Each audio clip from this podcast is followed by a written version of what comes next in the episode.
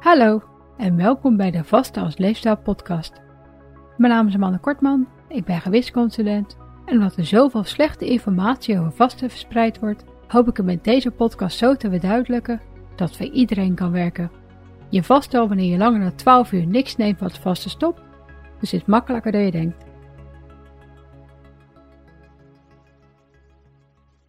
Welkom bij aflevering 40.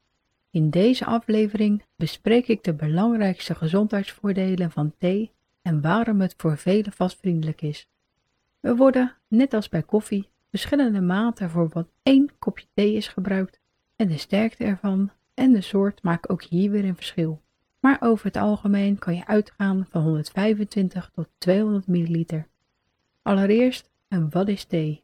Het is net als koffie niet meer weg te denken uit onze maatschappij en dagelijks drinken mannen gemiddeld 135 milliliter en vrouwen 343 milliliter. Alle echte soorten thee worden gemaakt van de theeplant, of eigenlijk theestruik, die in het Latijns Camellia sinensis genoemd wordt. En je hoort er veel gezondheidsclaims over, waarvan er een aantal gelukkig waar lijken te zijn.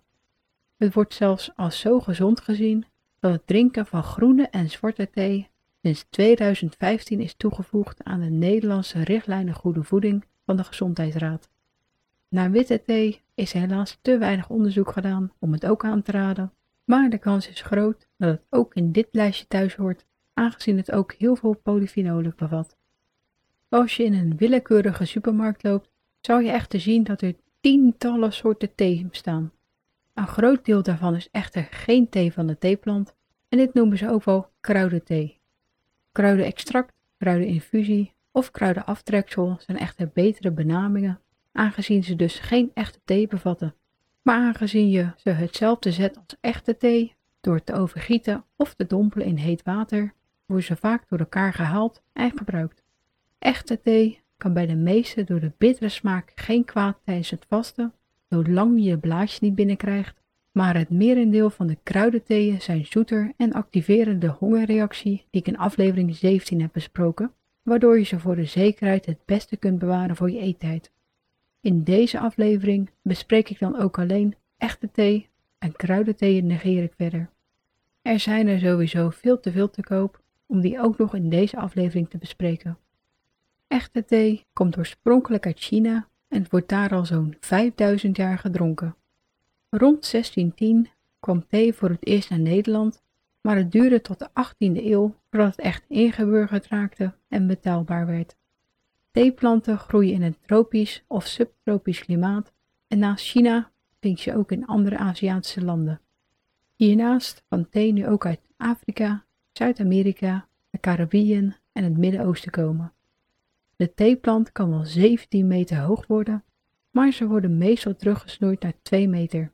En als je groene vingers en geduld hebt, kan je je eigen thee proberen te verbouwen. Zodra de theeplant 4 jaar oud is, kan er geoogst worden en dit wordt op plantages handmatig, maar ook machinaal gedaan. Hoewel handmatig voor betere thee zorgt, aangezien dan alleen geschikte blaadjes geplukt worden. Na het plukken worden de blaadjes gestoomd en of er een volgende stap volgt, verschilt per theesoort. Zo is dit voldoende voor witte en groene thee en wordt het hierna gedroogd, maar voor de productie van oolongthee worden de bladeren deels geoxideerd en bij zwarte thee zelfs volledig.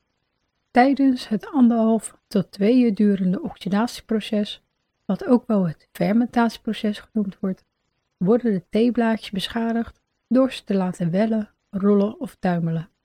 Hierna wordt het oxidatieproces weer gestopt door de theeblaadjes te verhitten tot 65 graden Celsius en zoals je wel snapt beïnvloedt dit de smaak, kleur en polyfenolen van de uiteindelijk gezette thee. En nog even voor de vasters. Naast oolongthee bestaan er natuurlijk nog diverse varianten op de echte theesoorten, zoals Ceylon, gele en Engelse. En zolang ze voor 100% uit thee bestaan en je de blaadjes of gemalen blaadjes zelf niet opdrinkt, je ze allemaal gewoon drinken tijdens je vasttijd. Matcha thee kan je dus het beste bewaren voor je eettijd. Controleer zoals altijd natuurlijk wel de ingrediëntenlijsten, vooral tijdens je vasttijd, want veel theeën bevatten toevoegingen zoals gedroogde kruiden en fruit en regelmatig ook suiker zoetstoffen en die zijn natuurlijk niet vastvriendelijk. Hiernaast wil je je hoeveelheid suiker en zoetstoffen zo laag mogelijk houden, zoals ik ook in aflevering 38 heb besproken. Alle soorten thee bevatten diverse flavonoïden en polyfenolen. Dit zijn antioxidanten en per soort verschilt de samenstelling hiervan wat de verschillen in de gezondheidsvoordelen en smaak verklaart, maar wat het ook de moeite waard kan maken om ermee te variëren. Je neemt de antioxidanten, net als in koffie, slechter op als je thee combineert met eiwitten, zoals een scheutje melk, wat vooral de Engelsen doen. Dus drink je thee ook buiten je vastheid, het liefst zonder toevoegingen. Een van de polyfenolen is tannines, en hoewel dit net als de rest gelinkt is aan een ontstekingsremmende werking, kan het wel leiden tot misselijkheid als je drinkt op een nuchtere maag. En is dit waarschijnlijk de hoofdreden dat relatief veel vasters er niet tegen kunnen.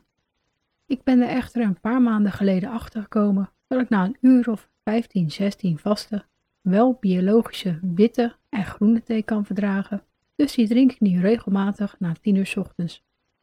Doordat bij witte thee trouwens alleen de bovenste jonge blaadjes van de theeplant geplukt worden, is het wel een stuk milder van smaak en is het voor sommige vasters niet bitter genoeg om thuis hun vasttijd te drinken.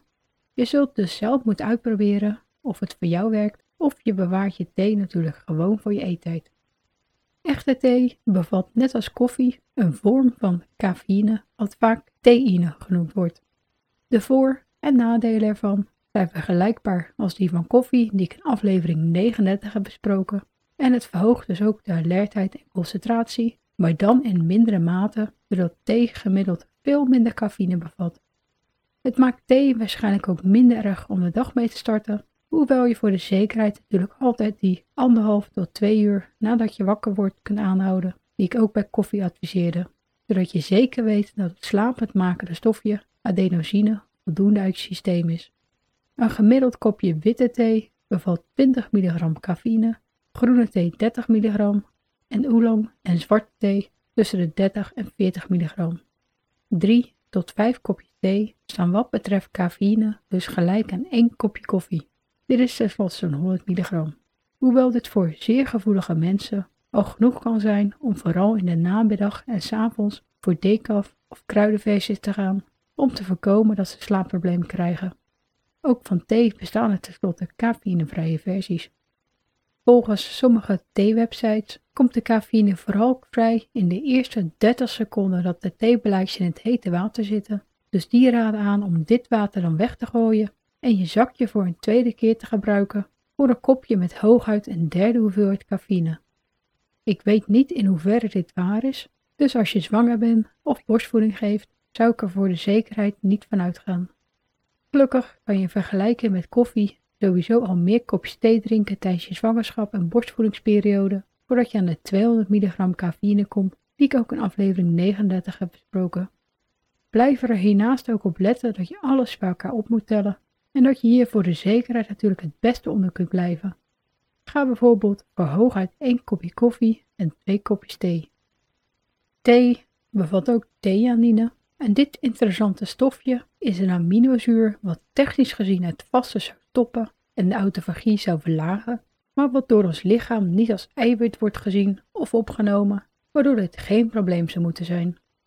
Er is zelfs een vermoeden dat het autofagie zou verhogen maar hier moet nog meer onderzoek naar gedaan worden. Theanine, of eigenlijk L-theanine, staat bekend om een ontspannend en kalmerend effect zonder dat je er suf of slaperig door wordt, wat van een kopje thee drinken, dus ondanks de cafeïne, echt een ontspannend moment kan maken, wat zelfs mentale voordelen lijkt te geven. Vooral groene thee wordt nog wel eens meditatie in een kopje genoemd, maar ook hier is meer onderzoek voor nodig om er echt wat over te zeggen. Drie kopjes groene of vijf kopjes zwarte thee per dag zijn wel gelinkt aan een lichte bloeddrukverlaging en dezelfde hoeveelheid groene thee is ook gelinkt aan een iets lager LDL-cholesterol, maar voor zwarte thee is de bewijskracht een stuk lager. Doordat groene thee niet geoxideerd wordt, lijken er meer positieve antioxidanten achter te blijven, waardoor het net iets gezonder is. Witte thee wordt soms zelfs als nog gezonder gezien, maar ook daar moet meer onderzoek naar gedaan worden. Er wordt verder vaak gezegd dat je afvalt voor groene thee maar de Gezondheidsraad kon hier in 2015 niet voldoende goede studies over vinden en ditzelfde geldt voor coronaire hartziekte, diverse kankersoorten, depressie en dementie. Het lijkt er ook op dat thee, net als koffie, goed is voor het darmmicrobioom, maar ook hier is toen niet naar gekeken, aangezien het een relatief nieuw onderzoeksgebied is. Je kan echter steeds meer over deze onderwerpen vinden, vooral over de ontstekingsremmende werking, en een paar kopjes thee per dag hebben alleen maar voordelen, dus kwaad kan het niet. Je vindt echter vooral veel positieve studies over thee-extracten.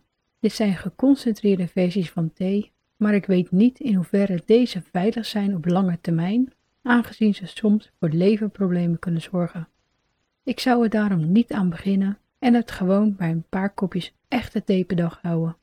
Hiernaast is het natuurlijk heel erg simpel om een studie in een reageerbuisje te doen, de zogenaamde in vitro studies, maar aangezien ons lichaam toch echt iets gecompliceerder is dan een paar cellen in een buisje, kunnen deze studies alleen een interessante aanloop zijn tot studies met mensen, maar geven ze natuurlijk veel minder zwaar tellende resultaten. Houd dit dus altijd in je achterhoofd als je het doorleest en de Gezondheidsraad heeft deze studies dan ook niet meegenomen in hun adviezen. Het dagelijks drinken van drie kopjes zwarte en groene thee is wel sterk gelinkt aan een ongeveer 10% lagere kans op een beroerte en vier kopjes met een 15% kleinere kans op diabetes type 2. En we worden dan ook aangeraden om dagelijks een 3 tot 5 kopjes groene of zwarte thee te drinken.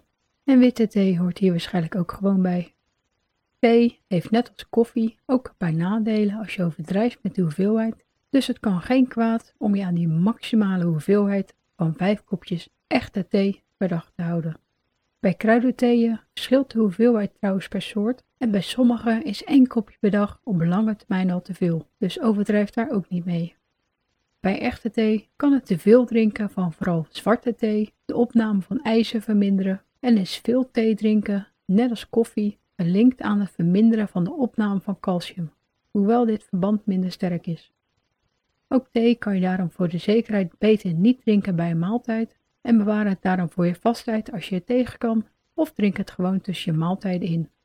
Net als koffie kan thee er door de cafeïne voor zorgen dat je sneller moet plassen, maar ook hier zou je nog altijd meer vocht binnenkrijgen dan kwijtraken, waardoor je niet uitdroogt van thee.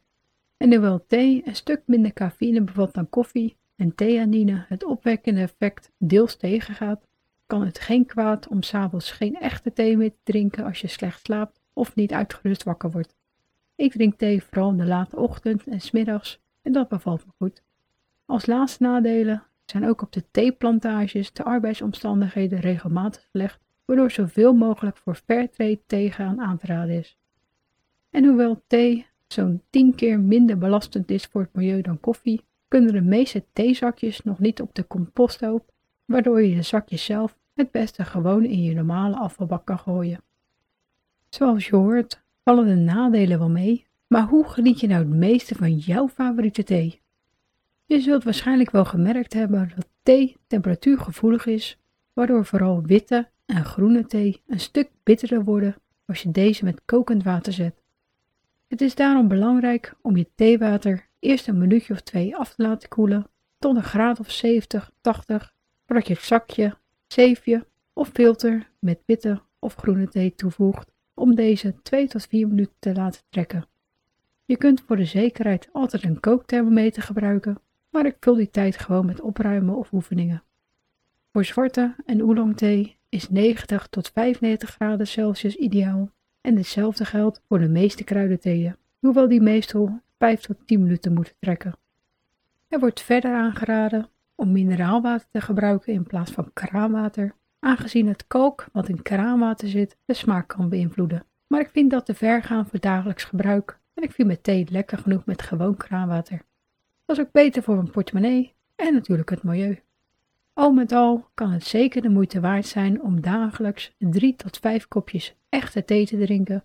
En vergeet niet dat er verschillende soorten en merken een andere smaak en bitterheid hebben, waardoor je het zeker niet te snel moet opgeven als je het niet lekker vindt of als het niet goed valt op een nuchtere maag. Je thee minder sterk drinken kan natuurlijk ook al voldoende zijn, dus experimenteer gewoon totdat je jouw favoriet hebt gevonden. Voor mij is het biologische en hoewel die wat duurder zijn, hergebruik ik het gewoon het zakje en zelfs met mijn grote mok van bijna 300 milliliter kan ik daar makkelijk twee lekkere koppen mee zetten. Wat natuurlijk eigenlijk vier kopjes zijn. Een thermos kan vullen met heet water is ook aan te raden, zodat je voor een aantal kopjes maar één keer water hoeft te koken.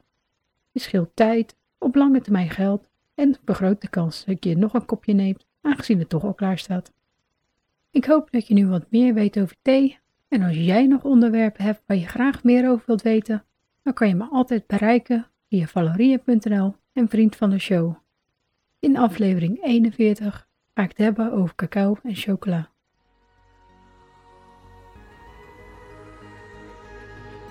Bedankt voor het luisteren en vergeet niet dat je de onderwerpen en bronnen altijd in de omschrijving van de aflevering kunt vinden. Weet je niet zeker of sommige tips of adviezen ook voor jou geschikt zijn? Bespreek ze dan natuurlijk altijd met je arts. Heb je nog vragen of opmerkingen? Of heb je behoefte aan persoonlijke begeleiding? Kijk dan op valerien.nl voor meer informatie.